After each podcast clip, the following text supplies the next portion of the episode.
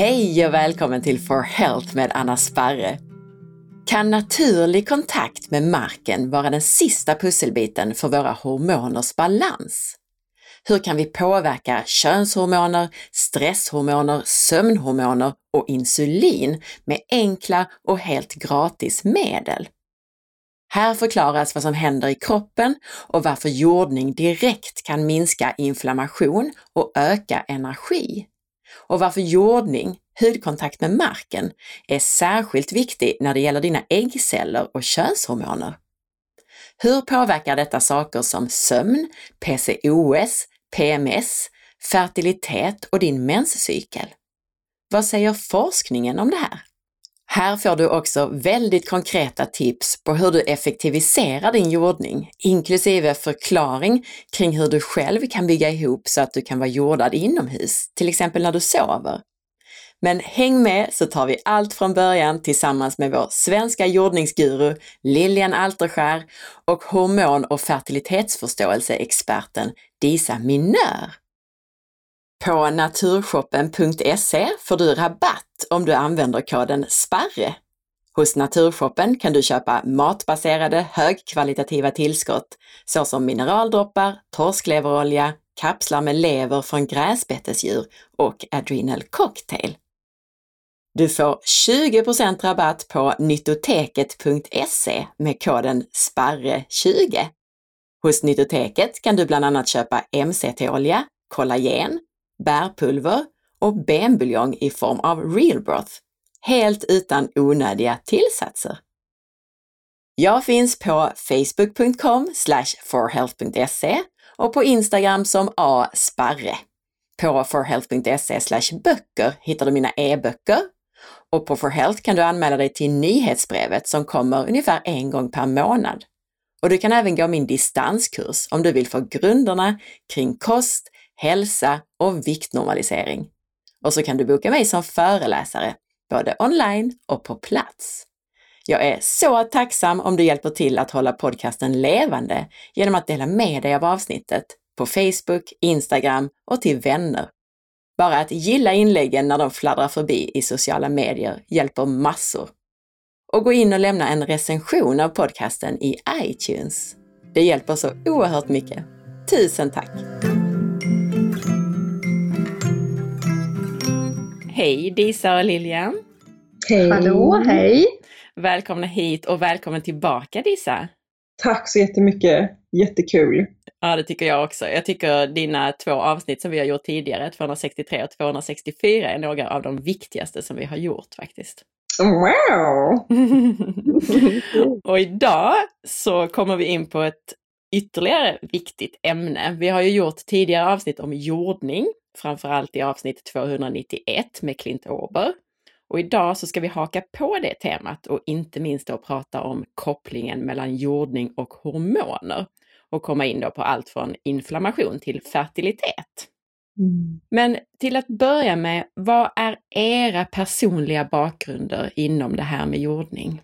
Okej, okay. ja men um, Lilian här. Jag tänker ju att det har ju varit en sån fantastisk resa för mig. Dels att jag har jag är uppväxt så väldigt, väldigt, väldigt naturligt upp i en liten by uppe i Västerbotten och har till, haft tillgång till allt det mest naturliga och levt ett väldigt eh, aktivt liv. Både som ivrig motionär och friluftsmänniska och bott och levt mycket i naturen och mm. utmanat mig fysiskt mycket med ja, fjällmaraton. Paddlat häftiga grejer långt norr om Lofoten. Och, mm. och sen så kraschade jag. Jag kom till Stockholm och skulle jobba där under en period när min dotter ville gå gymnasium där. Och det var ju inte att leka med Stockholm mm. ska jag säga. Och det tempot och det företaget, jag jobbade som chef där. Och det var något helt annat än det jag har upplevt uppe i Norrland. Och jag kraschade och um, jag fick mängder av diagnoser och symptom som jag kämpade med väldigt, väldigt mycket. Eh, och det är egentligen en liten längre historia. Och mm. jag vet inte om jag ska komma in på den nu eller om jag ska toucha den lite längre fram. Du kan absolut utveckla den historien lite grann, tycker jag. Det var så här att när jag blev så här oerhört stressad eh, med jobbet som var alldeles för betungande så hände det ju det att det vart så, hela min kropp bara bromsade och skrek att det här är inte okej. Okay. Och jag hade redan sedan innan, ja men lite eksem, lite svårt med lungorna, lite astma, min mamma hade astma. Eh, och då så, ja men jag fick jättemycket problem med IBS, med, och då var ju då astma och kronisk bronkit. Och mina lungor, de till och med började förtvina. Jag fick sådana här atelaktaser. Och jag var stamkund på Karolinska i Solna, Karolinska Huddinge, Södersjukhuset. Och de gav mig så mycket mediciner, jag skulle inhalera, jag satt vid bordet och inhalerade i maskiner, jag låg på golvet och gjorde andningsövningar. Um, och det här kostar mig ju enorm kraft. Liksom, jag, jag miste så mycket tid med mina barn. Jag miste så mycket bara för att jag var så fast i, i um, i sjukdomen och jag hade då ingen aning om att det var en tyst låggradig inflammation som låg till grunden för alla mina symptom. Och det fanns, ja men jag hade ju, ja, förutom IBS så var det ju hjärt och, eh, alltså högt blodtryck och eh, lederna, jag hade liksom ont i kroppen. Det var så mycket som, som men min kropp bara skrek på, hallå, du, du måste göra någonting. Och när läkarna bara liksom gav mig mer och mer mediciner så fick jag bara mer biverkningar.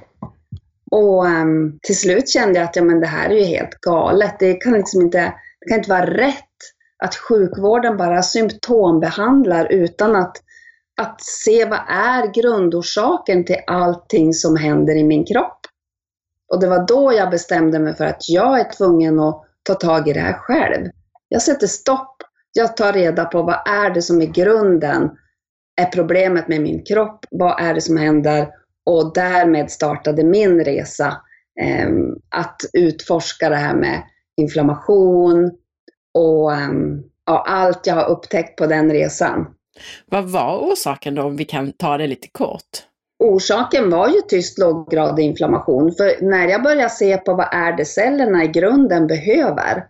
De behöver ju syre, de behöver näring och de behöver elektroner.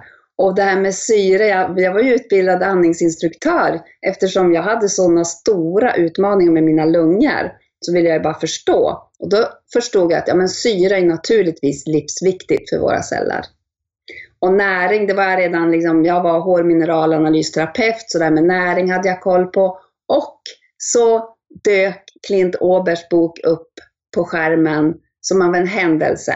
Och jag började läsa i den och han pratade också om det här vad cellerna behöver. Och det är då jag la pusslet, för han säger ju att ja, men det behövs också elektroner i våra celler. Och det var då jag började titta på, ja men okej, okay, nu tänker jag läka mig själv på cellnivå. Jag ger mina celler det de behöver för att läka inflammation. För jag förstod att om jag tar bort det som skapar inflammation och lägger till det som läker inflammation, då ger jag min kropp de absolut bästa förutsättningarna att själv läka och bli helt i balans igen. Precis, och det var där jag tänkte, vad var orsaken till själva inflammationen? Men då menar du att det var en kombination av saker som du saknade, allt från näringssyre till de här elektronerna som vi får från Moder Jord. Ja men exakt, och jag vill gärna komma in mer på det här med inflammation och just det här vad stressen ors alltså stress är ju en orsak till eh, tyst låggradig inflammation. Och vad händer då när vi tar hudkontakt med jorden? Vad är det som är positivt i det? Det finns så mycket spännande att berätta om, om jordningens effekter på våra kroppar när de är i obalans. Och det ska vi absolut komma in på. Men så att i ditt fall då, just den här stressen när du kom till Stockholm var den utlösande faktorn kan man säga för inflammationen? Ja, fast jag hade ju haft en smygputtrande i kroppen för jag hade ju lite eksem, jag hade rosacea i ansiktet och jag hade ju lite astma med mig från min mamma. Tänkte jag att det släktdraget med mamma. För jag vill bara lägga till det här att nu när jag liksom löst gåtan och, och verkligen själv blivit helt 100% frisk och helt fri från alla kroniska diagnoser och allting, så har jag frågat mig själv, men vad är, vad är min drivkraft? Vad är det som gör att jag liksom ägnar nästan all tid att försöka hjälpa andra att hitta naturliga lösningar? Och dels är det ju för att jag själv har blivit helt frisk. Mm. Men min pappa dog i cancer när jag var 12 år. Mm. Och min mamma dog i inflammerade blodådror som en sorts diagnos. Jag fattade ju ingenting ett antal senare efter att pappa dog. Och de hade ju tyst låggradig inflammation i sina kroppar. Och tänk om de hade fått den här kunskapen som jag har nu. Och det är klart att jag bara älskar att få dela med mig av mina erfarenheter och hjälpa människor att för det första förebygga att inte behöva få tyst låggradig inflammation. Och eftersom halva vår befolkning lider av en eller flera av våra tids, vår tids folksjukdomar som har inflammation i botten, så är det så viktigt mm. att få hjälpa till och sprida de enkla verktygen för naturlig självläkning. Mm. Jättefint Lilian, och då tänker jag att vi kommer in på detta ännu mer snart, men jag tänkte vi kunde låta Disa också presentera sig när det gäller det här med sin personliga bakgrund inom det här med jordning. Mm, det var ju faktiskt i höstas som den liksom vetenskapliga delen damp ner. Jag har ju alltid varit en sån som har jagat solen och gått barfota och älskat att bada så någonstans så förstår ju jag, eh, har jag ju förstått att vad jordningen är, eller min kropp har vetat om det. Men det var när jag lyssnade på din podd Anna, när du gör Clint Over. Och det gjorde jag i höstas någon gång, jag tror att det var i oktober. Och då gick jag liksom direkt ut barfota, satte mig i någon timme eller så. Sen cyklade jag iväg till min studio och skulle jobba. Och då, alltså det var en sån, jag kände hur det pirrade liksom i benen. Hur det var helt, ja det var väl blodcirkulationen som verkligen, det var någonting som hade hänt där. Jag kunde känna det. Och sen började jag bara nörda ner mig. Jag började googla, jag började läsa, jag kollade på de här filmerna som fanns och sen gick jag bara, jag kunde inte ens titta färdigt på en film. Jag vart så engagerad liksom. Så jag gick ut i skogen och la mig och liksom grävde ner mig i sån här mullrik, riktigt sådär mörk skogsjord. Och bara kände hur jag var som ett slutkört batteri och hur jag liksom bara fick ladda på där. Så de första veckorna använde jag det verkligen som ett sätt att, ja men som nervsystemsreglering. Jag, jag gick ut för att reglera ner mitt nervsystem. Och jag menar, det blir som ett skogsbad också, lugn och ro, som en typ av meditation. Och jag tror att det är den stora grejen som jag har tagit med mig, är så här, ja, jordning, vi ska prata om varför det är bra för fertilitet, varför det är bra för hormoner. Men för mig har den stora, stora grejen också varit att jag har en ännu bättre anledning att faktiskt gå ut och vara i naturen. Och på de här vägarna, så jag liksom blev ju helt frälst, kände jag verkligen frälst. Och då var det som att jag hittade Lilian och jag bara gav mig inte. Jag bara ringde henne, mejlade, jag bara, jag får en dejt med dig. så gick hon med på det till slut och så när hon dök upp på skärmen, jag bara, men där är hon ju! Så det kändes som att jag kände igen, vi kände som att vi kände igen varandra. Det var fint. Och sen åkte vi till Åre och the rest is history.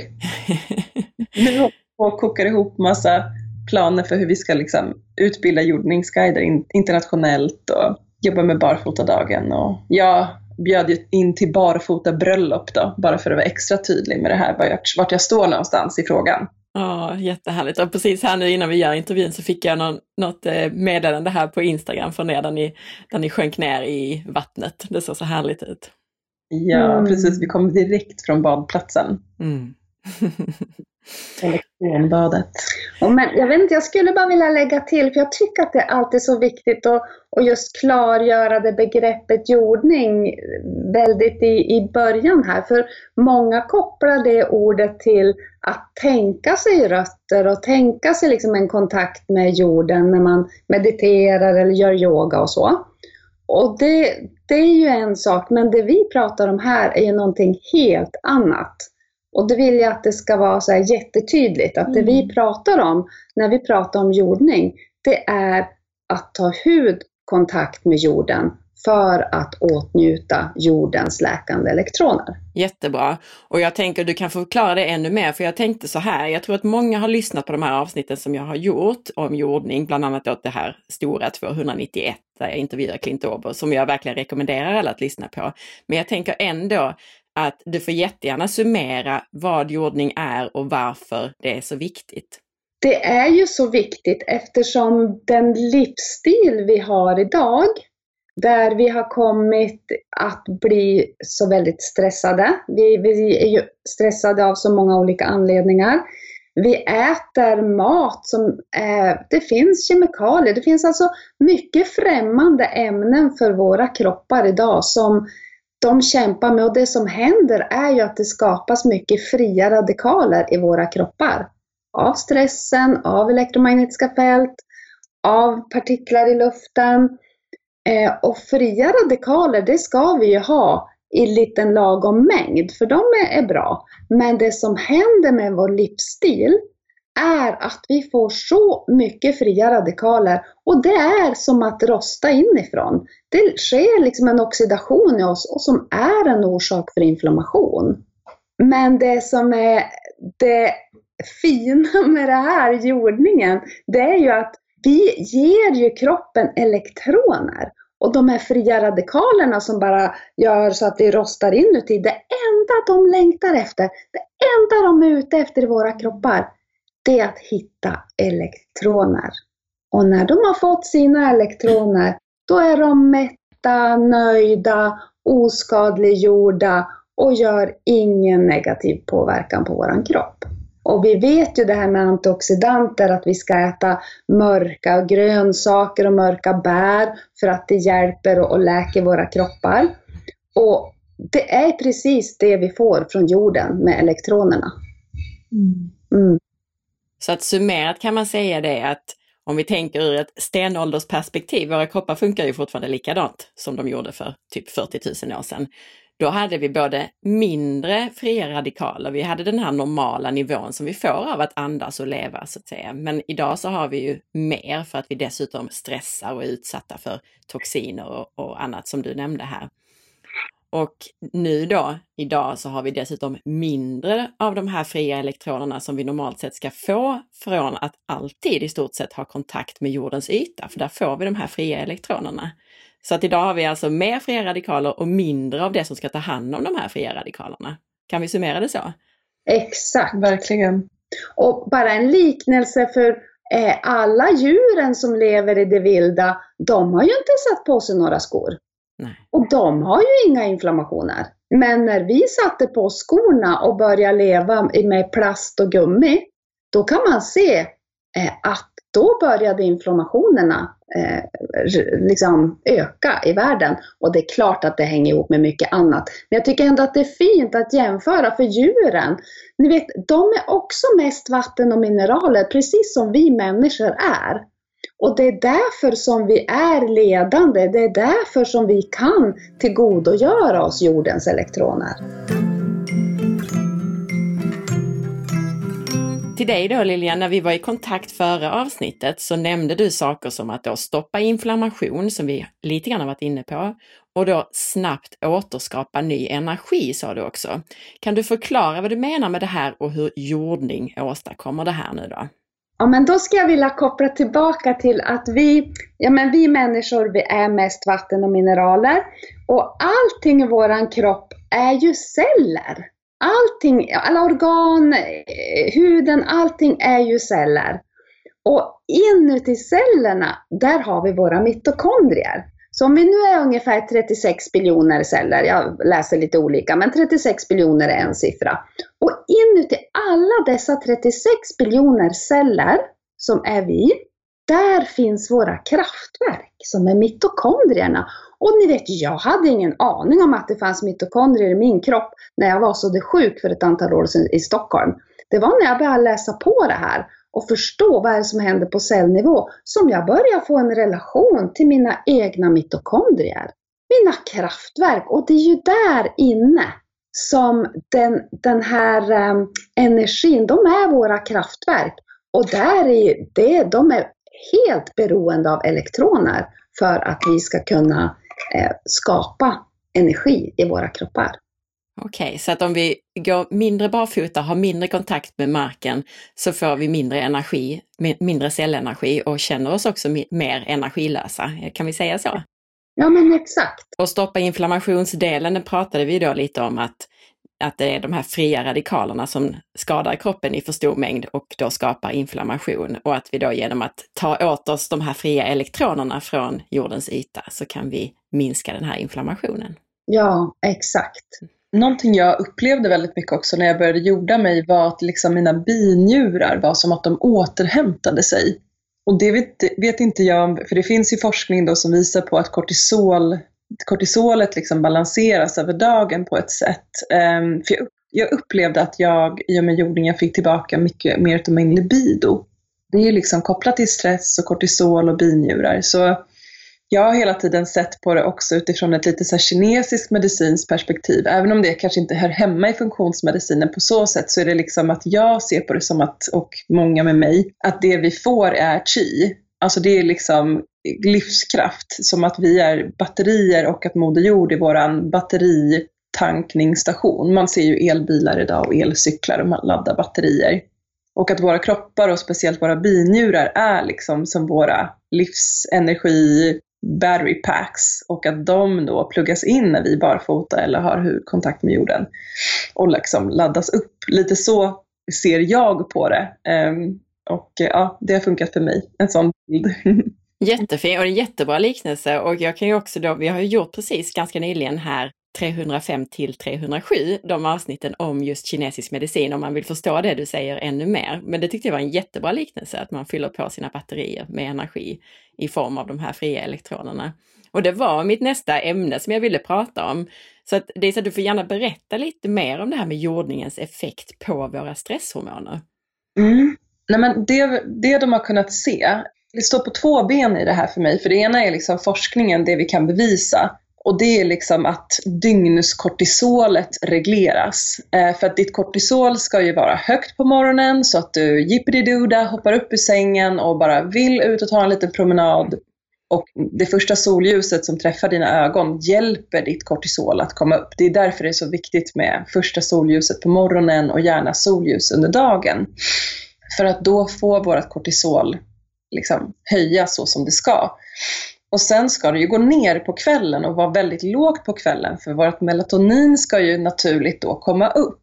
Och jordningen verkar då, enligt de här studierna, hjälpa våra kroppar att liksom få upp det här kortisolet på morgonen och sänka det med hjälp av melatonin på kvällen. Så både att det då höjer melatoninet och att det eh, höjer kortisolet på morgonen och sen sänker det på kvällen när det behövs. Det här innebär ju att det också påverkar alla våra könssteroidhormoner, för de är, helt, de är liksom underordnade kortisol och melatonin. Det är inte som att, jag skulle inte säga att det är östrogenet som, stör, som styr kortisolet, utan det är snarare vårt stresshormon kortisol som också är ett jätteviktigt hormon för att kroppen ska fungera och du ska ens orka upp på dagen. De flest, väldigt många idag har ju för lågt morgonkortisol för att de går inte ut på morgonen och de sätter sig och dricker en kopp kaffe istället eller någonting. Så rörelse på morgonen, solljus på morgonen får upp kortisolet. Och när kortisolet är bra och högt på dagen och sen går ner på kvällen, då kommer också din, ditt eh, insulin att haka på det. Eh, och insulinresistens och problem med insulin är ju en av de stora, stora grejerna i PCOS. Och PCOS och PCO är en av de stora, stora grejerna med infertilitet. Alltså att du ägglossar inte, du har inte det, det liksom östrogenet funkar inte som det ska, folliklarna utvecklas inte. Så där har vi en stor indirekt koppling till kortisolet och att det regleras under dygnet. För att kortisolet regleras, då, in, då regleras insulinet och då regleras också östrogenet eh, och så småningom också progesteronet om det då får till att ägglossa. Och så har vi då melatoninet då, att melatoninet går upp gör ju att vi får mindre av det som kallas östrogendominans. Och jag kommer inte ihåg, Anna, om vi pratade om östrogendominans på vår senaste Nej, jag minns inte det heller faktiskt. Nej, men kort sagt så kan man säga att de flesta kvinnor idag, de flesta människor över, överlag är östrogendominanta, både för att vi inte ägglossar regelbundet, vi ammar inte under lika långa perioder och vi har väldigt mycket hormonstörare i form av östrogenliknande ämnen i vår miljö. Ehm, och vårt progesteron är ofta lågt för progesteronet ni får lyssna på det avsnittet då, om hormon, eh, fertilitetsförståelse och hormonhälsa. Men progesteronet är också väldigt beroende utav kortisolet. Om vi har ovanligt högt kortisol och är stressade, då kommer vi ha mindre progesteron. Har vi mindre progesteron så har vi högre östrogen. Okej, det här kanske blir krångligt. Men summan av kardemumman, ett bra balanserat kortisol, vilket jordningen ger, det stöttar att både vårt östrogen är balanserat och tillräckligt högt och att vi kan ägglossa. Och det stöttar vårt progesteron genom att vi inte kanske tenderar till att bli lika stressade eftersom det här det är en skönare rytm i kortisolet. Melatoninet på natten har ju som största uppgift, det är ju våran kroppsegna största, största antioxidant, eller hur? Mm. Och därför så har den som uppgift att städa upp alla hormoner, alla, liksom, alla slaggprodukter i kroppen. Allting ska liksom renas och tas hand om på natten. Inflammationer och så vidare. Vad melatoninet också har som uppgift är att städa undan östrogen bland annat. Och det här östrogenet, om det inte blir undanstädat utav melatonin, då kommer vi ha östrogendominans. Och östrogendominans är liksom våran stora, stora utmaning som liksom fertila människor med en menscykel. Så där har vi väldigt så här, stora liksom, korrelationer mellan fertilitet och stress och sömn och så vidare. När man tittar på just kortisol och melatonin som då balanseras och stöttas utav jordningen. Och jättebra, jag hade gjort ett försök här i mina intervjufrågor så att säga, att dela upp det här i olika ämnen, men det var bra att du direkt förklarade hur allt det här, det går inte att sära på utan allt det här hänger ihop. Stresshormoner, ja. sömnhormoner, könshormoner och så vidare. Ja. Men jag tänkte ändå ska försöka summera lite av det du sa här, om, när vi pratar om stresshormoner och just det här med att jordningen då normalisera den här kurvan, för det är ju normalt att ha kortisol, stresshormon, men att det ska vara som högst på morgonen och som lägst då på kvällen och tidiga natten. Och det som många har som problem idag, det är ju att man har svårt att komma ur sängen på morgonen därför att då är kortisolet lite för lågt. Så det är då man får dopa sig med kaffe och annat som du var inne på. Och sen på kvällen så är man ju istället då wired and tired, alltså att man är uppe i varv och kan inte sova fast man är trött, vilket ofta är för att då är kortisolet för högt jämfört med vad det ska vara egentligen. Och när vi då kommer ut mer barfota, jordar oss, så normaliseras den här kurvan då så att vi blir vi får högre kortisol på morgonen och lägre på kvällen, precis som vi ska ha det, eller hur?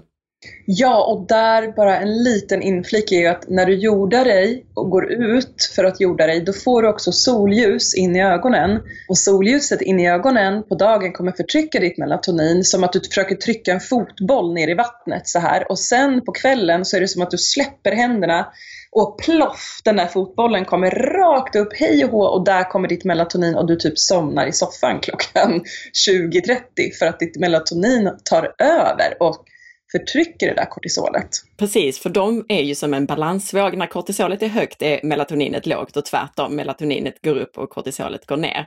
Så det är precis så ja. Och, men det man kan lägga till där är ju att även jordningen i sig själv utan det här verkar ju ha effekt. För att jag vet i alla fall att en studie har man gjort där man sover på alltså jordningslakan och så här.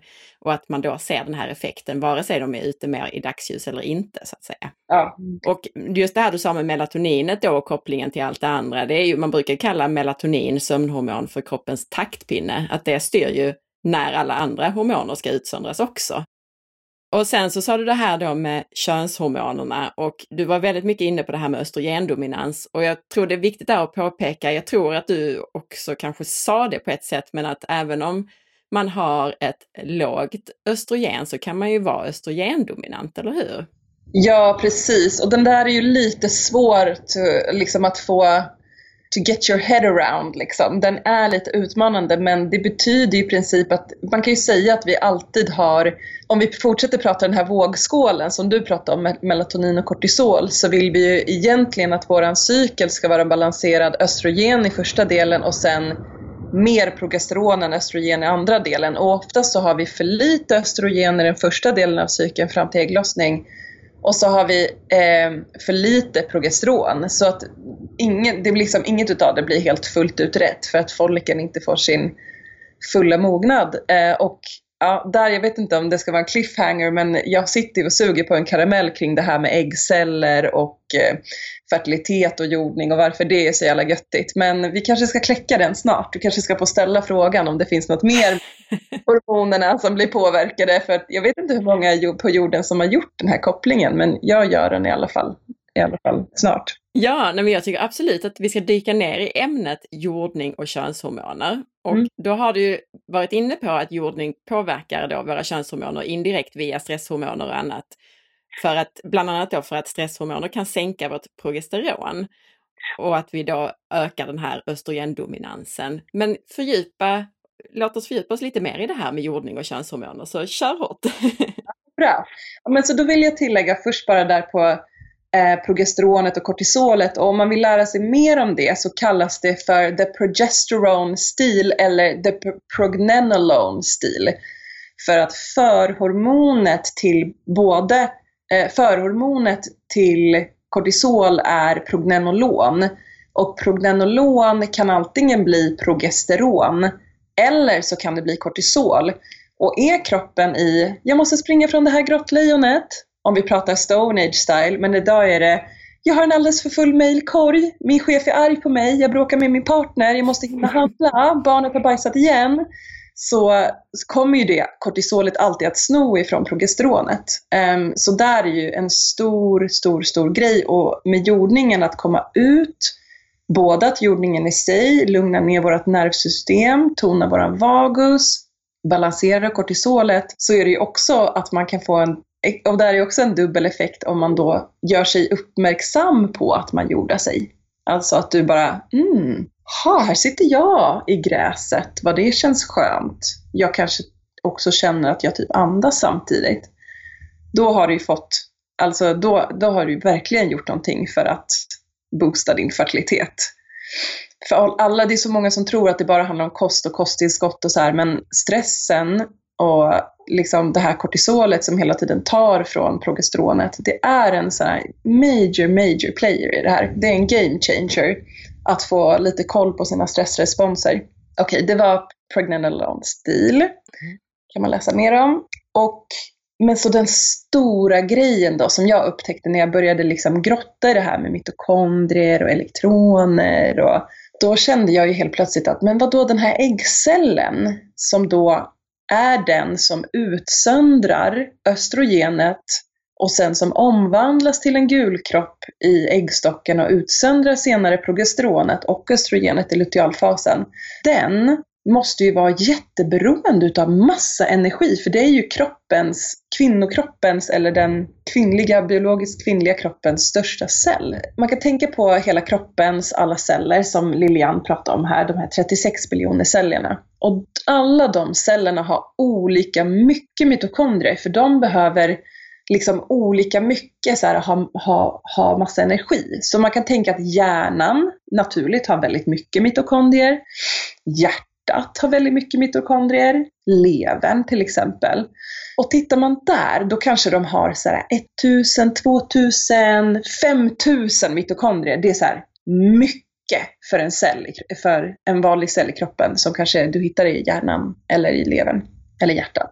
Tittar man då på äggcellen, nu tycker jag att ni ska få gissa, du kanske vet Lilian, men kan inte du gissa Anna, hur många liksom hundra eller tusen mitokondrier tror att det är i en liksom average i en äggcell då. Men gud, jag har hört det någon gång.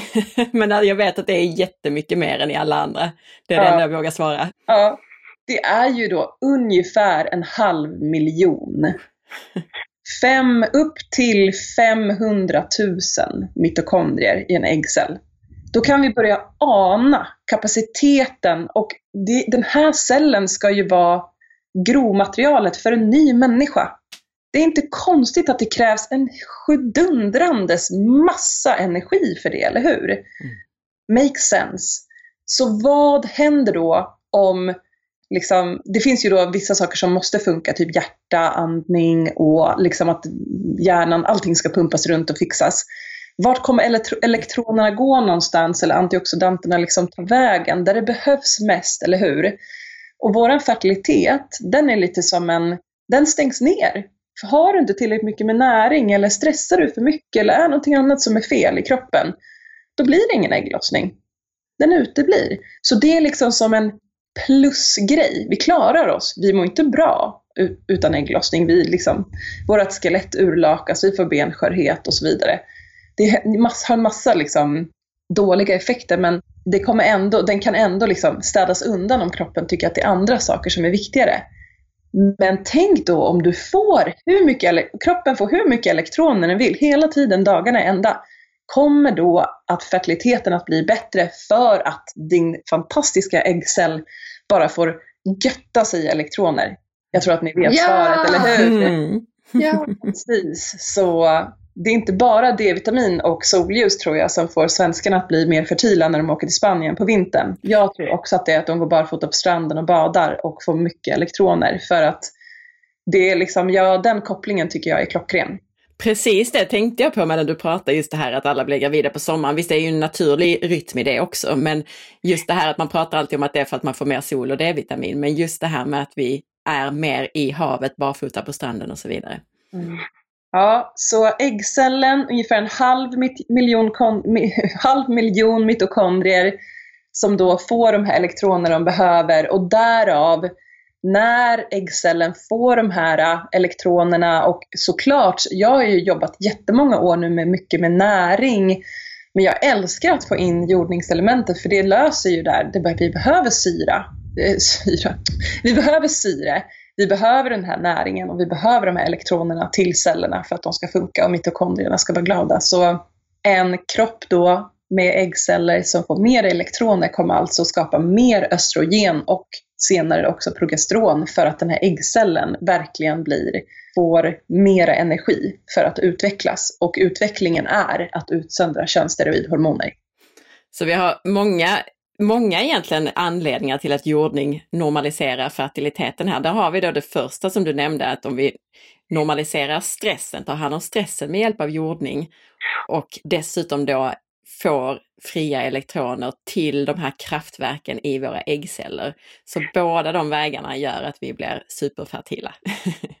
ja, alltså verkligen. Och jag skulle, jag skulle verkligen eller så här, jag ska inte säga att det inte kommer hända, jag menar jag ser verkligen fram emot de studierna på typ infertilitet och jordning och om man också lägger till näring och liksom sådana bitar. Det tråkiga med liksom scientific studies är att de ofta vill liksom göra en grej, de vill bara ha jordningen då. Men ofta så är det en synergistisk effekt, typ att du börjar eh, ta hand om din fettsyrabalans och jorda dig och få mer näring i kosten och liksom stressa ner eller ändra livsstil eller sluta med kaffe eller så här.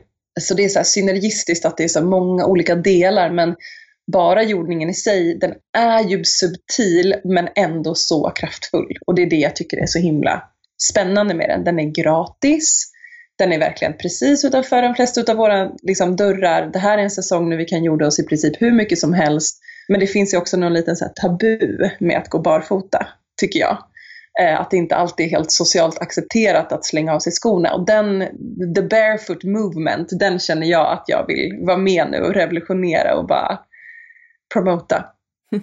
jag vill också bara betona förresten, för du pratade om fertilitet och vi pratar ju om det i avsnitt 263 med dig, att det handlar ju inte bara om att vilja bli gravid, utan den här fertiliteten, fertilitetsförståelsen och en normal cykel där man kan, om man vill bli gravid, det är ju också ett hälsotecken och vi mår bättre.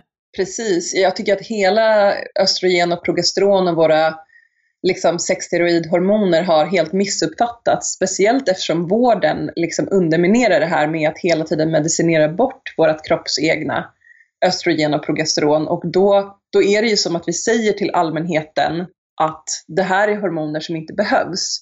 Medan vi kan se, eh, Dr. Geraldine Pryor har gjort jättespännande arbete med att titta på benskörhet i unga kvinnor som tar p-piller. Så det har ju så många andra effekter, liksom östrogen, det finns ju i princip ingenstans i kroppen där det inte finns receptorer för östrogen och progesteron. Både för att de har en typ av on-off effekt för att de balanserar ut varandra. Östrogen i celltillväxt progesteron är liksom cellförfinande och att det städar undan celler och så vidare. Så det, ja, nej, det är verkligen en stor missuppfattning och myt att vi kan medicinera bort vårt östrogen och progesteron och fortfarande må bra. Eh, det är en omöjlighet och det ser vi hela tiden. Och det behöver vi liksom hjälpa folket att förstå och ändra på. Att förstå att eh, alla biologiska kvinnokroppar behöver ha östrogen och progesteron och de här regelbundna ägglossningarna för att könssteroidhormonerna ska vara i balans och hela din kropp ska må bra. Liksom. Jag tänkte vi kan ju, för att det ska bli ännu mer konkret för den som inte är ute efter att bli gravid ändå, så många har ju någon form av menscykelbesvär, så att jag tänker om vi kan vinkla det på det hållet, alltså hur jordning påverkar sådana saker, de vanliga besvären många har. Ja, precis, och då är det ju det för att de här besvären som vi pratar om, det är antingen att du har då för lite östrogen, att du blöder ohejdat och då är det att östrogenet inte stiger eller att du har för lite östrogen i form av att du inte har något cervixsekret om du vill bli gravid till exempel. Att ägglossningen uteblir är ju en stor grej, att människor inte får till att ägglossa och det har ju både med stress och näring och follikens utveckling att göra. Och om man sätter till de här elektronerna och så pratar man, så kan vi också i på andra ställen prata mer om vad andra saker vad man behöver lägga till. Men just jordningen, eftersom den ger till mitokondrierna och ger till utvecklingen av folliken, så ökar ju det också då möjligheten att ägglossa. För att det är det vi är ute efter, det är the prime event. Vi vill ha en stark östrogenuppbyggnad fram till ägglossning, en bra ägglossning, för det ger en stark gulkropp och då får du mycket progesteron. Och har du mycket progesteron, då har du inte problem med PMS eller PMDS. Um, ehm, så det, man kan ju titta på alla typer av eh, liksom, hormonella obalanser egentligen och spåra det tillbaka till på cellnivå att vi inte har det vi behöver där. Mm. Nu sa du PMS till exempel, som, är, som många lider av. Och hur är det med de som har tunga blödningar? Kan man också spåra det på något sätt till jordningen? Den är lite svårare för att tunga blödningar kan ju ofta vara kopplat till för det är lite olika. Den ena delen är liksom spottings innan menstruation och spottings efter menstruation. Och det är ju en lång utdragen blödning och det har ju att göra med att det är för lite progesteron och för lite östrogen. Alltså att folliken, den här äggcellen, inte får det den behöver i form av näring, elektroner, tillräckligt med syre och fettsyra och allt vad det behöver. Liksom. Ja, nu, nu tappade jag bort mig. Kan du få, påminna vart vi, var, vart vi var någonstans? Jo, men i det, alltså det här med tunga blödningar och kopplingen ja. till jordning, om det går att göra en sån koppling. Mm, ja, men, och tunga blödningar, det är ju lite mera, då är vi inne på järn, järnbrist. Och det, där kan ju liksom jordningen inte kanske riktigt hjälpa till eh, helt och hållet. Men det kan ju finnas någon indirekt effekt som jag inte kan komma på just nu med tunga blödningar. Men Blöder det mycket och tungt, då behöver man liksom kolla upp sina järnnivåer. Men kan jag lägga till en mm. liten en annan vinkel? Mm. För eftersom jag är, så intresserad av just inflammation eh, och elektronerna och jordning, så tänker jag också så här att om det är ju så, forskningen visar att halva vår befolkning har tyst låggradig inflammation som grunden eh, för våra folksjukdomar. Och då, då har vi alltså en halv befolkning som har eh, liksom någonting som pågår i deras kroppar som tar all uppmärksamhet av hela liksom, räddningsstyrkan vi har inuti våra kroppar. Och då tänker jag de här kvinnorna som vill bli gravida, om de har tyst låggradig inflammation och hela liksom rederiet eller vad det nu heter i kroppen bara håller på för att försöka stoppa inflammationen, försöka liksom få mätta de här fria radikalerna. Alltså de är, de är bara urstressade, de har för lite personal, de har personalbrist här inne i kroppen. Liksom. Och om vi då kan liksom tillföra elektroner som hjälper hela kroppen att börja lugna ner sig, att få läka inflammationen och att vi får stopp på den, då betyder det att ja, men då står ju kroppen där helt plötsligt och är rustad för att ta emot ett barn. Att hela hormon, för allting med hormoner är också avhängigt av hur mycket kroppen är stressad för att ta hand om en inflammation. Verkligen. Och vi har ju en akut inflammation, om vi bara snabbt bara pratar om att den akuta inflammationen, den ska vi ju ha när vi gör illa oss och Men det är ju när det går överstyr och vi får en tyst låggradig inflammation, när det liksom inte upphör, eh, när räddningsstyrkan bara börjar äta mer och mer och blir mer och mer fria radikaler. Det är ju den, om vi får stopp på den, och elektronerna hjälper verkligen kroppen att få stopp och lindra och börja läka den tysta låggradiga inflammationen. Mm. Och då får kroppen möjlighet att eh, få ordning också på hormonerna och på den här äggcellen. Och så blir det elektroner över till fertiliteten och ja, nya små barn. Mm. Och jag vill också inflika en sak där när det gäller det här med när vi pratar om tunga blödningar och kopplade det, du nämnde där järnbrist eh, Disa, det är ju ofta så man säger och det man ser i blodprover så att säga. Jag har lite annan syn på det och vi har pratat lite om de grejerna med Morley Robbins i avsnitt 218 till 221. Det här med att de flesta har inte järnbrist i, på så sätt utan man har järn i kroppen men man har svårt att använda det. Och jag håller inte med om allt som Morley säger men just den biten Eh, kan jag se en poäng i att det handlar väldigt mycket om att hur vi kan använda järnet genom att, för att vi kanske inte kan det om vi har brist på A-vitamin, retinol, koppar och så vidare. Men det handlar mycket om det här förmågan att, att kunna tillverka röda blodkroppar, förmågan att kunna tillverka energi i mitokondrierna i de här diskussionerna och då tycker jag också att jordningen är ytterligare en aspekt där som jag tror kan hjälpa i det här. Men där kan man ju lyssna mer på de här avsnitten med Morley Robbins då, i, 218 till 221 om man vill höra det perspektivet av det. Och jag skulle ju också, det finns ju så mycket vi kan prata om, men just det här eh, när vi nu har så enormt mycket celler och inuti dem finns alla mitokondrierna och alla de här har ett skal. De har ett cellmembran och det, det behöver vara genomsläppligt för att järnet ska kunna tas upp. Allt, allt det här med näring, syre, elektroner ska kunna verkligen få jobba på ett bra sätt och komma in och skräp ska komma ut, så behöver vi ett genomsläppligt cellmembran. Mm. Och det handlar ju om att ha fettsyrabalans. Berätta lite om det då när vi ändå tog upp det så det blir konkret här för lyssnarna. Ja. Vad menar du med att man behöver fettsyrabalans för att vi ska ha cellmembran som kan släppa igenom det de ska?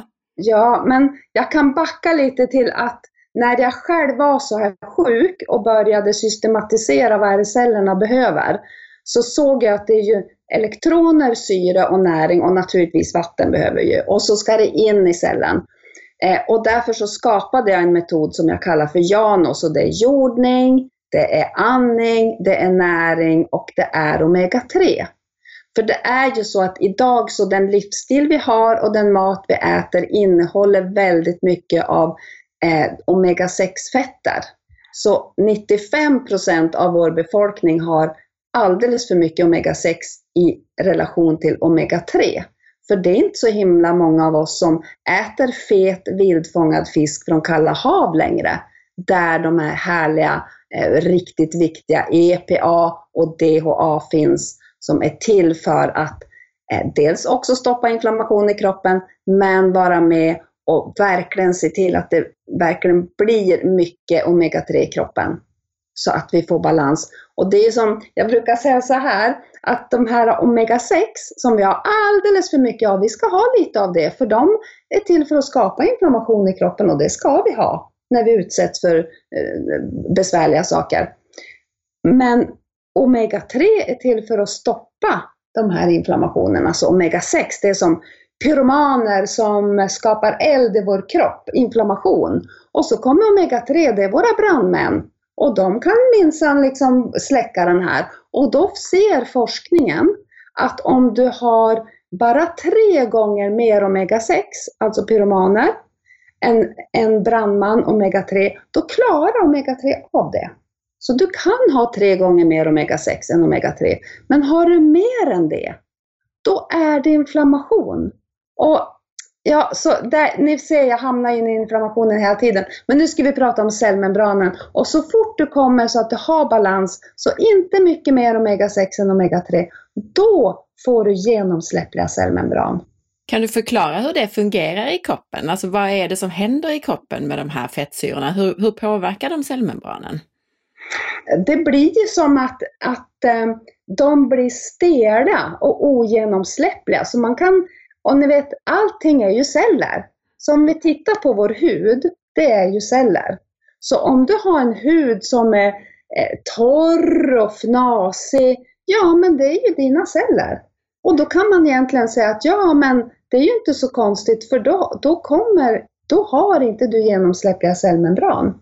Så att det liksom blir en mjuk och vacker hy.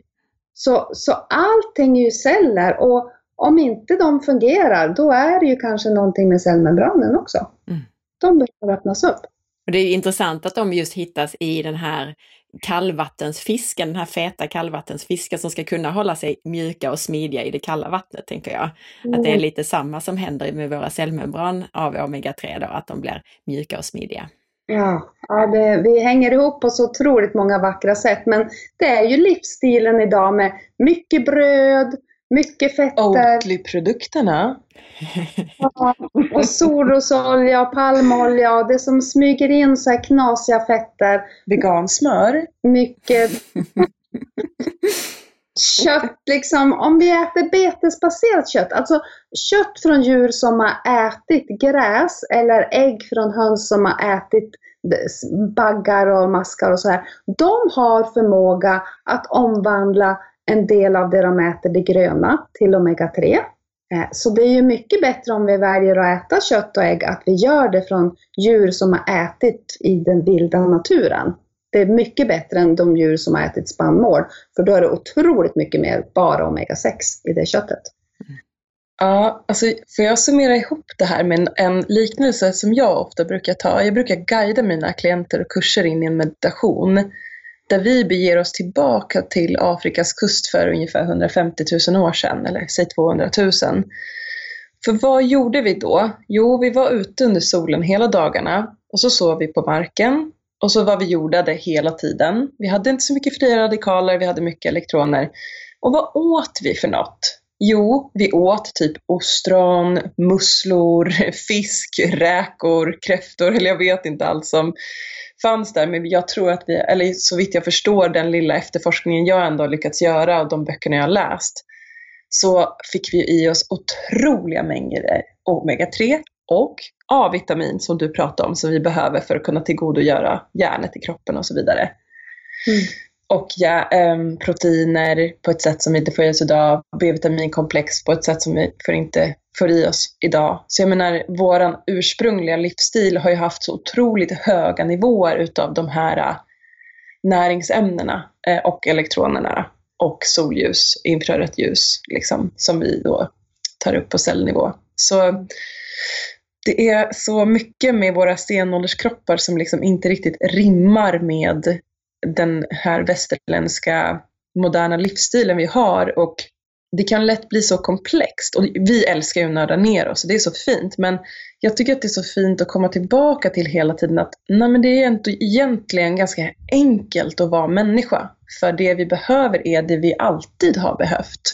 Och jag har upplevt att när jag har börjat leva mera ursprungligt, alltså vara mer fysisk i min kropp, vara ute under dagarna, jorda mig mycket, äta väldigt näringstät kost, eh, jag äter mycket animalier, animaliskt protein, då upplever jag att jag har en vitalitet som jag aldrig har upplevt i hela mitt liv tidigare. Och det har jag ju bara att skylla på de här helt gratis källorna till eh, vitalitet och, och liksom livskraft som är till exempel jordning och solljus. Eh, och näring, alltså mat äter vi ju ändå, då kan vi lika bra äta mat som är näringstät. Eh, samtidigt som vi respekterar jorden och våra djur och eh, djurhållningen och inte stöttar industrin och så ja, jag ville bara lägga till det. Ja, men det var en jättebra parentes och jag brukar, eh, när jag föreläser så, så brukar jag också avsluta med det. Alltså om det blivit mycket information och, och folk står där liksom, okej, okay, var ska jag börja? Så brukar jag bara säga, men tänk stenåldern. Alltså är du förvirrad eller är du frågande? Hur kan det här ha funkat? Kan det ha varit så? Är det någonting som vi kan ha haft, fått, fått, fått ta del av under stenåldern? Då är det bra för dig och annars inte. Det är en mm. enkel riktlinje. Verkligen. Jag skulle också vilja backa till det jag, alltså det simpla, enkla just som, ja men när jag också föreläser, att förstå hur vi hänger samman med jord, Moder Jord. För det kan ju låta flummigt det här att jorda sig. Men det är ju ren biologi, fysik och kemi eftersom vi är mest vatten och mineraler. Och jorden är mest vatten och mineraler. Och varje gång blixten slår ner, som det gör runt omkring oss just nu och det regnar, då laddas jorden med negativa elektroner. Och det, där det finns elektroner, när vi tar hudkontakt med jorden, då där det finns elektroner i överflöd, överförs dit det, dit det finns i mindre mängd. Så där jämnar vi ut potentialen liksom. Så vi är bioelektriska varelser och det låter ju kanske också så här, vadå bioelektriskt? Men om vi tänker så här att vi mäter ju hjärtat och hjärnans eh, med EKG och EEG. Det vet alla, det känner alla till. Och E, det står ju för det elektriska. Och fjärilar, alla liksom vi varelser, vi är bioelektriska varelser och vi är beroende av att ha hudkontakt med jorden för att ha en bra balans i våran kropp. Vi tillhör jorden, vi tillhör liksom den eh, biologin helt mm. enkelt. Jag ville också backa tillbaka lite till din metod där som du nämnde, som du kallar för Jano, jordning, andning, näring, omega-3. Och vi har pratat om omega-3, eh, varför det är viktigt att få i sig det och att man får det framförallt då från, från fisk, från bra, bra källor. Och sen har vi pratat om jordningen och det ska vi gå in på ännu mer konkret hur man faktiskt gör för att bli jordad i dagens samhälle. Det ska vi göra alldeles strax. Men så sa du också då andning och näring. Kan vi säga lite kort om de här, vad det är som är extra viktigt som folk missar när det gäller näring och när det gäller andning? Ja, men jag tänker ju, Disa, du har ju kommit lite in på det här med näring och vad du väljer i din vardag. Och vi ska ju ändå handla mat eller odla mat. Och då tänker jag så här, ja men när vi nu står där och tittar i skåpet, om vi då frågar cellerna, men vad är det ni behöver nu? nu ska, jag vet att ni behöver näring. Vad är det för sorts näring ni behöver här idag för att, för att ni ska kunna vara det bästa för mig och att vi ska teama bra idag? Och vet du, när jag frågar det, aldrig någon av mina celler som har svarat att de vill ha socker. nej. nej, men de säger så här, nej men du, ja men det här riktigt ordentliga grönsaker och gärna om du kokar istället för att steka och ja men ni vet, folk kan ju det här. Vi pratar så mycket om mat. Jag tror mer vi ska fråga cellerna och en relation och älska våra celler och mitokondrier. Mm. Och respektera dem för vad de faktiskt behöver för att vara sitt bästa för oss. Så jag tror det här med näring, vi vet det ganska väl vad, vad, vi, vad som är bra att äta. Det finns så mycket trender och så här. Men däremot ska jag vilja prata lite mer om andningen, för det kanske inte många gör. Just den här vardagsandningen. För, och vet ni, om vi inte andas på några minuter så är vi ju dö. Så då kan vi förstå hur viktig syre verkligen är. Och då tänker jag så här, men har ni, vet ni om att liksom vi andas nästan tusen andetag per timme? Och det betyder ungefär 24 000 andetag per dygn. Och kunde vi få lite mer koll på de här i vardagen så skulle cellerna kunna få så otroligt mycket mer syre. Och syre är livsviktigt för mitokondrierna för att skapa energi ihop med elektronerna. Så det absolut enklaste tipset, det är att stänga munnen och andas med näsan. För så fort vi stänger munnen och andas med näsan, då får lungorna, då kommer luften längre ner i lungorna och vi kan tillgodogöra oss mer syre. Kan du inte säga det där med köttbullen också? Ja. Den tillägnar vi Anders Olsson. Jag är alltså utbildad andningsinstruktör med Anders Olsson. Han har du säkert haft i podden. Ja, avsnitt 99 tror jag det är. Mm. Ja. Och han är ju helt fantastisk. Och han säger så här, ni ska veta att det är lika dumt att försöka äta köttbullar med näsan som att andas med munnen. ja.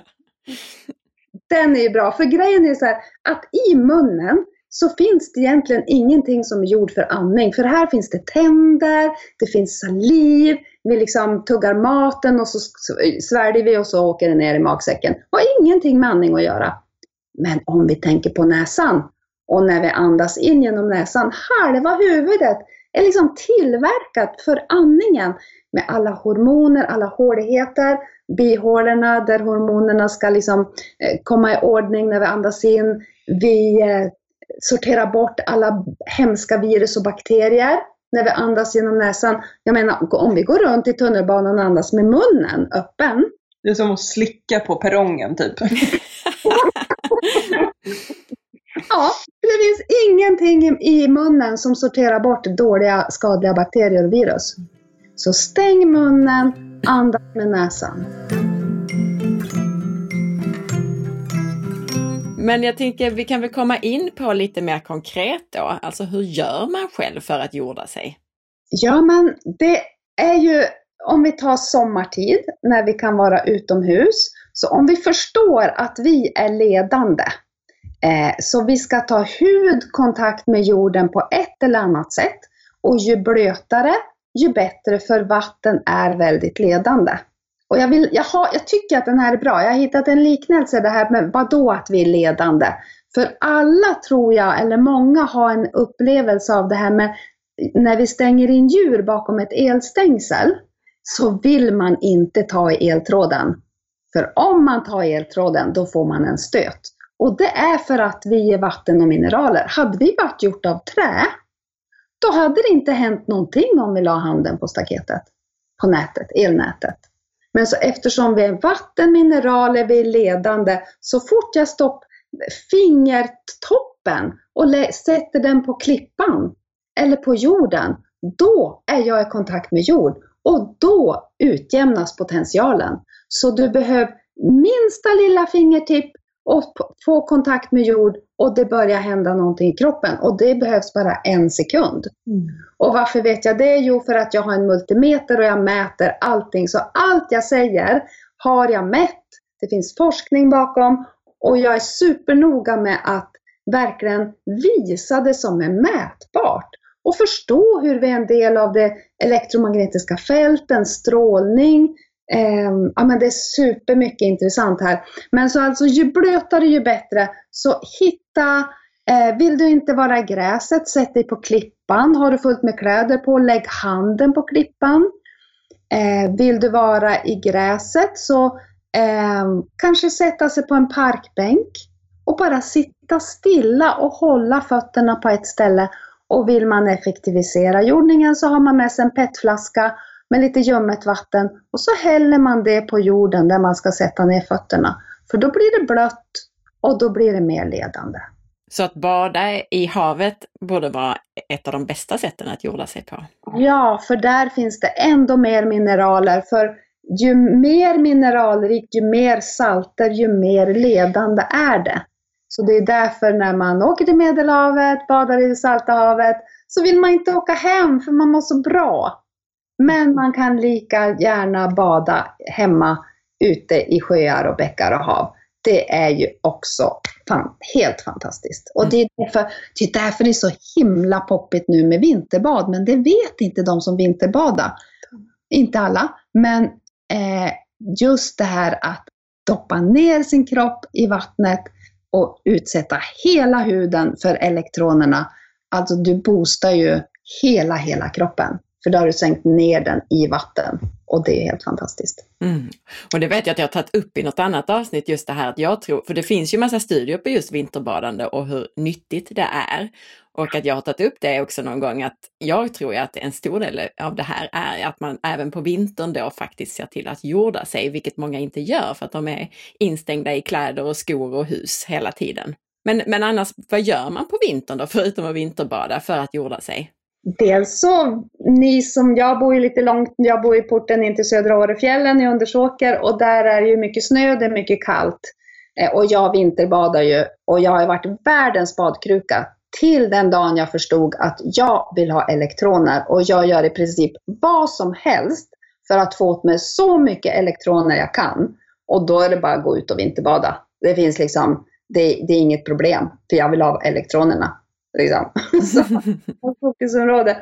Men då, ja men en del gör upp en eld och då smälter snön och så kan man sitta barfota mot stenarna vid elden där. Och snö är isolerande så det är ingen mening att hålla på och späkas och gå barfota på snö. Det ger liksom ingen effekt.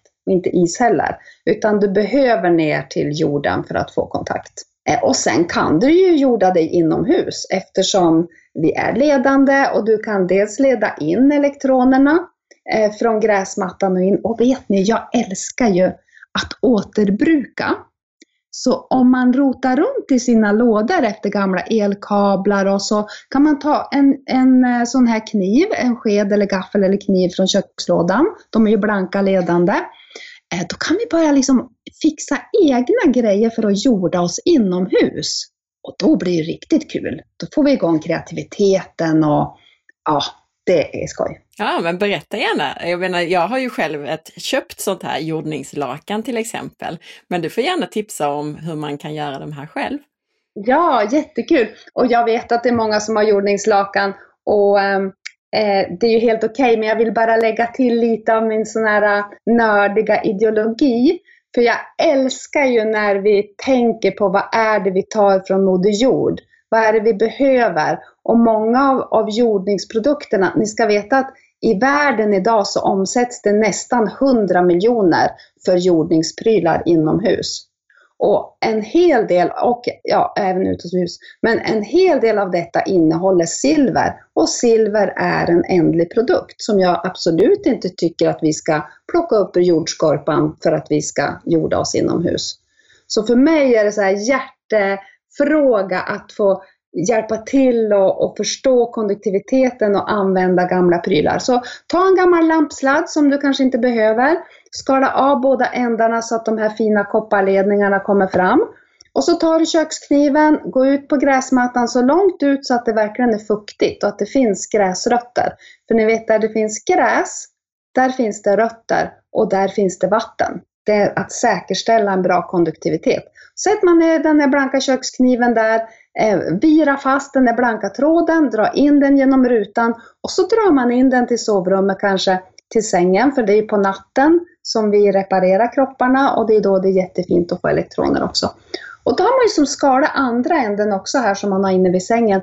Och med, all, med den enklaste tekniken så virar man bara de blanka ändarna runt stortån. Och så är man jordad. Lampsladd och kökskniven liksom. Mm. Svårare än så behöver det inte vara. Sen kan vi göra det här hur intressant och avancerat som helst liksom och börja koppla på olika grejer. Men i sin enkelhet så är det faktiskt inte svårare än så här. Att vara jordad nattetid. Men sen kan vi komma in på att ja, men, eh, alla som bor i hus byggda före eh, ja, men innan man börjar stoppa in plastledningar för alla vattenledningar. Så alla som har koppar eller metallledningar, då, så fort du håller i vattenelementet på den blanka delen eller vattenkranen vid diskbänken om det är så diskbänksplåt, ja men då är du troligen jordad. Mm. Och det är fint. Och det är ju sånt som du mäter med din, exakt. den här multimetern och du har väl en, du har en kurs också, ja, eller hur? exakt. Så dels utbildar, vi har ju utbildat nu eh, 170 jordningsguider som jag har certifierat. Där jag är en av dem. Ja. Eh, och alla de utbildar jag också så att de i sin tur lär sig att mäta med multimeter så att man kan ja, men dels mäta sitt eget hem från, och sanera från strålning, vilket är väldigt enkelt. Att verkligen se till att min, min inomhusmiljö och särskilt sovrumsmiljön, ha, att jag har tagit bort så mycket som möjligt som stör cellerna. Så lägger jag till en bra andning, jag ser till att jag andas genom näsan på natten, kanske har en liten tejp på munnen.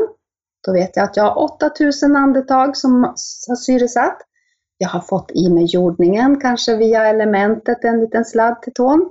Eh, och jag har kanske tagit bort all störning från elektromagnetiska fält. Ja, men då börjar vi få till något riktigt bra när vi ligger och sover och gör ingenting. Vi har inte köpt någonting, vi har inte investerat i någonting, vi har, eh, ja, vi bara får allt det här gratis. Och det är helt naturlig självläkning. Sover du varje natt med att linda runt stortån eller har du något ytterligare tillägg för att du ska slippa linda runt tån varje natt? Ja, då har jag ett jättefint exempel. Men jag har ju upptäckt att det är lite varierande, men man kan köpa tensplattor på apoteket. Det är som de, till exempel sjukgymnaster använder dem för sin tensmaskin där det skickas in pulser för att liksom stimulera, stimulera kroppen. Och de är också konduktiva. Och de är som lite klister på. Så om du till exempel har en tennisarmbåge, du kanske är idrottare, du kanske har eh, stukat en fot, du kanske har någon muskelspänning uppe i nacken. Mm. Då kan du sätta den där direkt på platsen där det pågår en, en, en smärta eller en stress. Och då kommer elektronerna direkt in på den platsen där du behöver det mest. Mm. Och den ska ju naturligtvis kopplas till den här eh, ledningen. Men allt det här finns dels i min bok, det finns i, i kursen. Och eh, Ja, men det är inte svårt. Men ju mer man förstår om konduktivitet och ju mer man förstår att det är mätbart, ju enklare är det att eh, ta makt över sitt eget, sin egen hälsa. Mm. Men jag tänkte, sover du så då? Men är det det du använder, sådana här TENS-klisterlappar? Ja, jag använder mest det. För jag tänker annars, finns det säkert någon ledande tejp eller så man skulle kunna tejpa fast eh, vid sängen på något sätt och, och, och sen ligga barbent mot va? Ja, man får tänka till lite grann där för allt klister som, jag har ju testat så mycket ska du veta Anna. Mm. Jag har varit på golvfabriker i Stockholms förorter för att liksom, det finns fabriker som jordar hela hela hus och industrier. För när man jobbar med, med elektronik, då måste man jorda bort all statisk elektricitet. Eh, och då så kan de ha så mycket ledande prylar. Och jag har gjort så mycket konstruktioner. Men bara att ha liksom en liten tunn, tunn, tunn, tunn, tunn klisteryta under någonting, det tar bort all konduktivitet. Mm -hmm. Så klister stoppar, trä stoppar, eh, färg stoppar. Så man behöver liksom ha koll på vad är det som verkligen är ledande. Mm. Jag har också en sån där mätare så jag får, jag får testa lite då. ja, verkligen. Det är så intressant och spännande. Ja, men jättebra tips. Vad fint. Är det någonting mer här nu kring det här hur man gör som vi borde ta upp, tycker ni? Har du någonting Lisa som är din favorit som du vill dela? Nej, men jag gillar ju att bada och jag är en sån där som, jag börjar ju liksom min barfotakarriär redan i februari, mars. Så fort det är ett litet patch som inte är täckt av snö längre, då börjar jag gå korta stunder på jorden. Så nu, vi har ju så här riktigt elakt grus här, hela vårt hus, runt hela vår grusplan. Men eh, det knatar jag runt på. Så eh, att bygga upp fotsulorna så att du kan gå nu tänker jag att nu ska jag knappt se röken av ett par skor här i juni, juli, augusti, september. För att jag har liksom byggt upp lite styrka i mina fotsulor. Och sen tycker jag att det är väldigt spännande att liksom man kan ju fördjupa sig hur mycket som helst i det här med jordningen och jag har läst flera böcker och kollat på alla filmer och allt. Men det de tror är ju att, jord, att de här elektronerna färdas via våra fascia. Och fascia kan inte jag särskilt mycket om, men jag är väldigt så här, äh, intrigued, alltså intresserad av att lära mig mer. Och framför allt så verkar, de, verkar då elektronerna passera via vad som kallas för low eh, resistance electronic pathways i kroppen, vilket alltså är meridianer och meridianpunkter. Så det är liksom njure 1 eh, precis i trampdynan, i främre trampdynan där liksom de flesta elektroner då skulle komma in.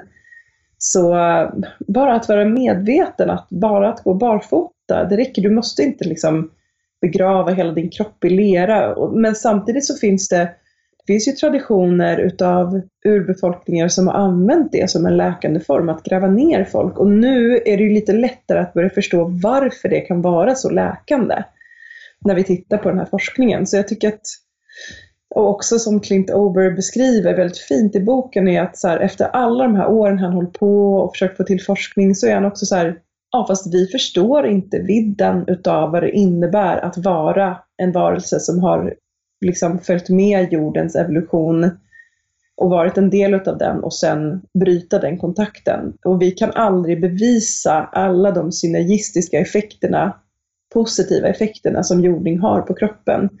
Så det är väl någon typ av summering för mig själv är att här, jag kan rota i hur mycket forskning som helst, läsa hur mycket böcker som helst. Men det är min upplevelse när jag jordar mig och vad jag upplever att jag får ut av det, min empiriska forskning, som liksom är det som jag i slutet av dagen ändå känner mig mest eh, kanske stolt över eller intresserad av. Och samma sak med det här med att vi, vi, vi kan bara mäta så mycket och det som, inte, det som är omätbart det är också liksom det, något typ av mysterium såklart, men det är också det jag tycker är väldigt, väldigt spännande. Att överlämna mig till att jag inte förstår. Jag kan inte aldrig liksom ana vad det, vad det innebär, men för mig har det också inneburit eh, att vara mera i naturen, att vara mera i medveten närvaro i naturen. Alltså att inte bara vara, liksom att låta den där stressen komma ner för att läkning kan bara ske om någon är hemma och om den personen som är hemma är i relax mode. Liksom. Så jag vill verkligen uppmana alla er där ute som lyssnar att ta tid den här sommaren och ta tid ur ditt liv att sitta i naturen. Vi var på en intervju igår och lyssnade på John P. Milton som, som är liksom, pratar väldigt mycket om våran essens som människor och liksom våran chi och, och våran kontakt med naturen och hur viktig det är. Så jag tänker att då, här slår man liksom två flugor i en smäll för vitaliteten och hormonhälsan om du går ut, jordar dig och samtidigt blir väldigt medveten om den miljön du är i, vilka ljud du hör, hur känns det i kroppen, för vi tenderar till att dissociera från kroppen väldigt mycket. Att vi liksom börjar komma i kontakt. För att den kontakten kommer göra kroppen att den bara Oh my god, det är någon som lyssnar. Okej, ja, nu ska jag berätta om hur jag mår. så, um, så det, det, vill jag bara ge som en liten mumsig gåva till alla som lyssnar där ute. Att verkligen unna er själva det och om någon släkting undrar eller din partner eller någon kompis eller ditt barn eller ja men visst, du kan hänvisa till forskningen och det är jätteskönt. Jag känner mig så tacksam för det. Men känn efter varför det känns bra och gör det för att du, må, du mår bra av det. Och gör det med lekfullhet. För jag tänker det här, jag har ju fått som ett helt nytt fritidsintresse när jag fattade att jag ville ha elektroner så mycket som det går. Då börjar jag ju liksom, ja men vart ska jag, om jag reser, vart ska jag stanna med bilen? För jag måste ju få hudkontakt med jorden. Ja men där fanns det en badstrand. Inte letade jag badstränder som badkruka förut liksom. Och så upptäcker man det området och ja men när jag går på stigen, kan jag ta av mig skorna en liten stund här?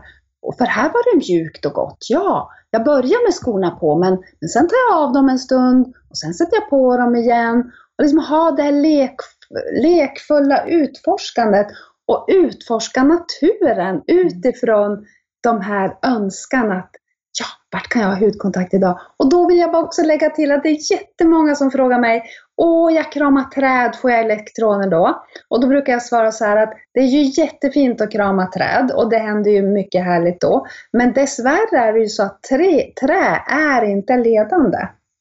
Så eh, hitta hitta jord, sand, vatten och om det är lite torrt där du sitter i skogen, kanske i mossan så här, så pilla ner fingret längre ner så att man känner att det är fuktigt. Mm. Och på stranden, om det är så jättetorr sand, då kan man borra ner tårna längre djupare. För efter en liten, kanske 5 cm, då känner man att ja, men där är det kallt, där är det fukt. Mm. Där är det än mer ledande. Jag tänkte, Disa, du nämnde fascia innan och fascia bindväv har vi ett avsnitt om också. Avsnitt 20 någonstans där tror jag, om man vill lära sig mer om det, för det är kanske inte alla som vet vad det är för någonting. Så skrattar jag några gånger här medan ni pratade därför att eh, dels det här du sa Disa, att man, man tränar upp sina fötter med att gå barfota och jag har aldrig riktigt tänkt på det för jag har typ alltid gått barfota, älskat att gå barfota. Jag tar min surfbräda under armen och så går jag barfota och så eh, går jag ner till surfet. Men jag har märkt det nu att jag brukar så här uppmana andra att slänga av sig skorna när vi ändå är ute och går. Och då är det ibland så här att jag går och snackar och knatar på och helt plötsligt så har jag tappat den personen som skulle vara med mig för att de, de trippar fram lite grann och har lite svårare för det för att de är så ovana. Men det är ju precis så att man vänjer sig. Ja, ja. Och, och fötterna vänjer sig väldigt fort. Um, jag är ju sån som tar av min dotter skorna. Hon har ju som ursäkt nu när hon vill liksom göra något. Mamma, jag ska bara ut och jorda mig. Jag bara, åh, det, jag fattar. Mm. Ja, men precis. Och jag brukar, det brukar säga till min son, jag brukar säga att, det, att gå barfota är som att äta grönsaker, alltså att det är lika nyttigt. Mm. Så eh, att det är lika viktigt att göra det. Och jag får bara en liten så här minnesbild för när vi utbildar jordningsguider så får alla uppgift att tänka igenom en aktivitet man vill genomföra sen för att dela med sig om kunskaperna. Och då minns jag särskilt en kvinna som tog med sina föräldrar som kanske var 70, ja, 70-75 års åldern. Och, och, hon bjöd ut dem och hon berättade lite och så fick de ta av skorna och de sa att eh, vi har inte gått barfota i hela vårt vuxna liv. Mm. Och jag undrar om inte de representerar en ganska stor del av befolkningen. Absolut. Våra barn, de kanske vi släpper ut på stränderna och de är, och tack och lov att de får det. Men vi har en ganska stor generation som är nog ganska långt ifrån att ha hudkontakt med jorden. Något annat som jag tänkte också som är väldigt viktigt när man, med det här att gå barfota, vi har gjort massor med avsnitt, dels med Marcus Greus och dels med Tommy Olausson om det här med vårt steg och vårt rörelsemönster. Och ett problem med att gå i skor det är att vi börjar ofta gå med för långa och för hårda steg. Och om vi går barfota så tvingas vi att ta mm. de här lite mindre, mer försiktiga stegen som gör att vi får ett bättre rörelsemönster. Mm. Oh, spännande, ja precis. Man känner sig mer stolt och med en bättre hållning när man går barfota. Speciellt barfota med ögonbindel i skogen. Oh, med ögonbindel, wow! det får jag testa.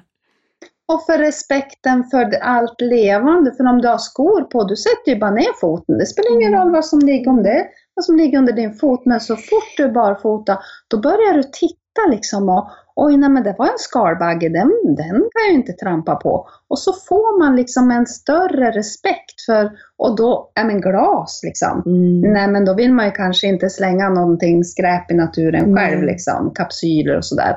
Det vill man ju inte trampa på. Och helt plötsligt får man en ny respekt också för, för hur behandlar vi liksom den jord vi, vi en del av och går på liksom. Mm. Ja, jag gillar ju verkligen att gifta ihop den här rörelsen med klimatkrisen. För att när vi tar kontakt med jorden, då inser vi också dess värde för oss, för vår hälsa. Och liksom, hon föder oss ju redan med all mat, allt vi behöver, allt vi klär oss i. Och nu så föder hon oss även, inser vi, med elektroner och massa andra hälsobringande effekter. Och då undrar jag, men hur länge kan vi fortsätta liksom bita den handen som, som föder oss? Liksom jag bara, för mig har det också varit en återkoppling till att jag vill vara ännu närmare jorden och jord, jobba med jordbruk och ta hand om den och ge tillbaka till den. Um, ja. Och för du bor ju också, jag har ju stora äran att få vara hemma hos dig Disa, och du bor på en gård där det finns en klimatpsykolog. Och det är ett jätteintressant ämne och vi pratade lite grann igår och just det här som jag också reflekterar över mitt liv. Jag har varit jättefrisk och stark och varit väldigt engagerad i omställningsrörelsen. Eh, och så blev jag sjuk. Och då var det ju som att liksom min värld krympte något så enormt. Jag kunde liksom ha, jag möjligtvis ha koll på mig själv och min egen familj. Det var vad jag orkade. Det fanns ju ingen energi att tänka omställning någonstans. Mm. Utan vilka mediciner, hur ska jag kunna andas idag? Hur ska jag ta mig ur sängen? Och från att gå från det, att vara så sjuk, eh, och sen kunna bli helt fullt frisk av bara naturliga metoder, då öppnas ju hela min värld upp igen. Jag står här stark i hela min, liksom, kroppen är ju det verktyg jag har för att bidra och hjälpa till och göra skillnad här på jorden. Och nu kan jag det när jag är frisk och stark igen. Så vi är ju så... Det, det, behöver inte vara långt och svårt med, med att hitta nycklar för att bli stark och frisk igen. Mm. Det vill jag skicka med. Och kom ihåg om det är någon som har fått liksom en diagnos där man säger kronisk. Att kronisk betyder endast pågående och långtgående. Och det betyder att vi själva kan ge oss det vi behöver för att skapa nya förutsättningar för kroppen att vara stark så att vi kan leva våra drömmar och bidra med det vi vill. Liksom. Innan vi avslutar också så undrar jag ju såklart var man hittar er om det är någon som är nyfiken på mer. Ja, men då vill jag börja med att säga att jag och eh, Lilian håller på att eh, koka ihop massa roliga grejer här inför hösten. Och jag har ju utbildat mig till jordningsguide och Lilian kommer någon gång i augusti Eh, att eh, man kan på hennes hemsida, hon ska få presentera sig själv, här nu presenterade jag henne, eh, hitta de här jordningsguideskurserna. Jag rekommenderar det för det gav mig jättemycket bra kunskap om hur jag kan presentera det här för andra med forskningen i ryggen på ett enkelt sätt. Liksom. Så jordningsguide, det är ett tips. Och vi kommer i höst att börja utbilda jordningsguider internationellt. Så alla andra i Norden, i Europa, ja, framförallt är det ju västvärlden tyvärr man vänder sig till för att de eh, är de som har pengar och kapacitet att kunna utbilda sig. Men så alla som talar det engelska språket kommer vi då att vidareutbilda till jordningsguider och utbilda inom jordning. Så det vill jag bara slå ett slag för också som att sända ut en intention att vi startar Earthing Community och vi kallar, oss, vi kallar oss för the barefoot people. Alltså the barefoot people, det är alla människor och alla människors rätt till elektronerna ifrån jorden kommer de att få då genom the earthing community. Så det ser vi fram emot. Jag driver ju min fantastiska Instagram som heter Hormonhäxan. Där man kan lära sig allt möjligt spännande om hormoner, men jag bloggar och skriver ju ändå en massa saker om allt möjligt. Mitt, mitt egna liksom, hedniska liv som häxa, jordning, hormoner, en salig blandning. Så om man vill ha det plus lite sköna bröllopsbilder, då kan man liksom haka på det. Jag har en hemsida som heter wahini.se och i mitt linktree, om vi hoppar tillbaks till Instagram, där finns det ju allt möjligt i form av vilka retreats som kommer i sommar om man vill lära sig om sin menscykel och hormoner. Massa olika poddar, till exempel med Anna Sparre som ligger där. Gratisfilmer, gratis webbinar. Jag har en fantastisk kanal som heter Fertilitetskanalen som jag tycker att alla någon gång i sitt liv i fertil ålder borde ha besökt. För att där finns den här grundkunskapen om hur menscykeln fungerar, hur den reproduktiva kroppen fungerar och hur man kan fixa sina hormoner helt enkelt med väldigt, väldigt enkla medel. Det är massa olika biohacks om man vill förstå det här med circadian rhythm och hur det hör ihop med hormonhälsa. Så allt finns där, så det är bara att höra av sig. Det är på Boon TV, eh, men man hittar den också via Instagram. Um, mm. Yes, det var nog jag tror jag. Mm hålla på hur länge som helst. Jag älskar att sälja mig själv. Jag är bäst. Bara kom till mig. ja, och jag 2018 när jag hade knäckt koden och läkt mig själv så jag är pedagog i botten också och då har jag en otrolig lust och glädje att verkligen bidra med min kunskap. Och min vision är verkligen att bidra och göra stor skillnad för folkhälsan i världen. För jag förstår ju att allt mitt lidande och alla nycklar jag nu har meningen för mig är verkligen att dela vidare på så stort och så många sätt som jag bara kan. Eh, så dels så kom jag ut med boken Medvetet barfota om jordning och att läka dina inflammationer. Den kom ut 2018 och då började jag också bygga onlinekurser och har hjälpt väldigt många att hitta naturlig självläkning. Och min hemsida heter naturligsjälvläkning.se eller naturligsjälvlakning.se. Och där hittar man kurser och, och all information. Och, och just där att jag har en stor längtan, jag har en dröm. Jag verkligen älskar att få berätta och föreläsa och jag håller många gratis webbinar. Så ofta hittar människor till mig på eh, att jag annonserar på Facebook att jag har gratis webbinar och, och berättar om jordning. Och på så sätt hittar man mig.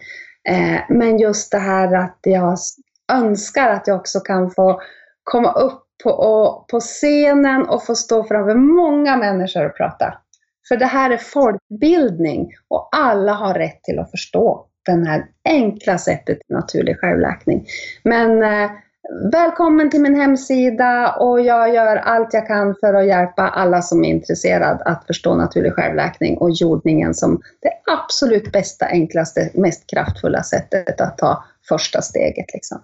Helt gratis. Helt gratis för alla på jorden. Ja, så se upp där ute. Lilian och Disa håller på att alliera sig här total. Så, jag och Lilian, vi möts ju väldigt mycket i att vi vill revolutionera eller förändra folkhälsan på en väldigt stor internationell nivå eller på en större nivå, liksom verkligen hjälpa många. Och det gör ju du Anna, så det känns som det är en stor ära att vara här hos dig idag och få mm. vara del av den folkhälsan-rörelsen som du faktiskt driver. Mm, vad fina ni är. Ja, och detsamma. detsamma. Tre tillsammans, det är sån fantastisk kraft. alltså, det, det är jättestarkt att vi tre gör det här tillsammans. Mm, det känns, ja, Ja, känns så tack Anna att du skapar möjligheten för oss. Ja, vilken ära att få ha med er här i podden. Är det någonting som eh, vi har missat här som ni tycker att vi ska prata om? Jag tänkte till exempel kopplat till hormoner och menscykelbesvär och så, om det var något särskilt där som vi aldrig tog upp. Nej, men jag tycker att, att komma ihåg med hormoner och fertilitet är ju att det är vår livsstil som ställer till det för oss. Det är vår kost, det är stressen, det är strålningen, det är liksom eh, för mycket utav fel mat och fel drycker och hej och hå. Så det är liksom att komma tillbaka till det ursprungliga, vilket jordningen är en del utav. Eh, det är liksom att ge sig själv hormonhälsa. Ehm, och jag är ett levande exempel på det. Jag är väldigt frisk och vital och stark och tränar och håller igång och lever ett aktivt liv. Och jag tänker att jag bara ska bli friskare och friskare ju äldre jag blir. Och det blir jag bara. Så det, det är liksom, it works. Och det är kanske slutklämmen på det här. Att är man skeptisk, ja, men sluta vara skeptisk och bara gå ut och lägg dig på gräsmattan. Mm. Och öka medvetenheten om vad som man tar bort och vad man lägger till. Mm. Och kärleken till cellerna. För allting i kroppen är celler. Så ta kontakt och, och älska cellerna och fråga vad de vill ha. Mm. Och jag vill också tillägga för att några gånger under intervjun här så har ni nämnt strålning och då är det vissa som bara, äh, vad, vad menar ni? Och det har vi pratat om i ett helt avsnitt, i avsnitt 232 med Brian Hoyer om olika saker från vår elektriska omgivning och mobiltelefoner och wifi och allt möjligt. Så lyssna gärna där, för det är ett jättehäftigt avsnitt. Ja, bra. Vad sa du att det var? Vilket nummer? 232 och så finns det en svensk summering i 238 men det är mycket kortare. Det är 232 kan jag verkligen rekommendera, han är jättehäftig. Jättefint. Och då kan jag bara nämna att när man utbildar sig till jordningsguide, ett helt avsnitt, en hel vecka ägnar vi åt just strålningen och att vi ser att den är mätbar och hur sanerar vi bort den i våra hem och det är enkelt, bara man har kunskapen. Och det tycker jag är det viktigaste, att folk får hjälp handgripligen att förstå eh, hur man sanerar sina hem. Och då har man makt över sitt eget hem och det är viktigt. Mm. Så att man inte känner maktlösheten över strålningen. För jag känner att många, oj, det är så mycket, det är så wifi, det är allting, jag är helt maktlös. Men vi är inte det. Vi kan ta makt över vår egen miljö och särskilt där vi sover om natten och det är så viktigt. Ja men precis, bara börja med att stänga av wifi på natten och slänga ut mobiltelefonen och, och ha den avstängd utanför sovrummet någonstans så har man ju gjort jättevinster redan där. Och Verkligen. håll aldrig i mobilen när du laddar den. Vi kan hålla på hur länge som Ja, precis. Vi kan... ja, det här var sista. Nej, nej, det här nu är nu, ännu bättre slutkläm. Men med det så kan jag säga tusen tack till er, Disa och Lilian, för de här fina orden och att ni gick in med hela er, ert väsen i den här intervjun kände jag. Jättefint, tusen tack! ja, men tack själv. En ära att få vara på din podd, Anna. Det är det alltid. Verkligen. Tusen tack Anna för allt du gör. Stort tack. Missa inte att lyssna på den fantastiska intervjun med jordningens fader, Klint Åber, i avsnitt 291. Det finns också en kortare svensk summering i avsnitt 293. For Real Foods är nyttig och god fryspizza utan spannmål och gluten med bottnar på bland annat lokalodlad vitkål. Pizzorna är helt naturliga, näringsrika och både low carb, fiberrika och proteinrika. Finns i frysdisken hos utvalda ICA och Coop-butiker eller som hemleverans på mathem.se och forrealfoods.se. Tack för att du lyssnade! Jag hoppas att du gillade avsnittet. Dela med dig av det så att fler får ta del av den här spännande informationen om hur kroppen fungerar. Är du ny med att lyssna på podden?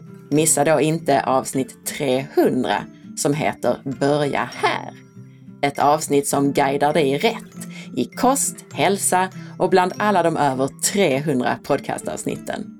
Veckans recension i iTunes är från en lyssnare i Spanien som skriver Tack Anna för att du delar med dig av så mycket kunskap om hälsa. Intervjuerna är så väl strukturerade och du håller mig som lyssnare aktiv genom att inte lämna några frågor obesvarade. Dina kunskaper är imponerande och de experter som utfrågas får verkligen just bli experter i sina ämnen. Följ med på facebook.com forhealth.se där du kan hitta avsnittsinformationen till det här avsnittet som du kan dela och där du flera gånger i veckan hittar nya hälsotips. Följ också mig på Instagram via asparre och titta in på bloggen på forhealth.se. Ha en fantastisk dag! Vi hörs snart igen. Hej då!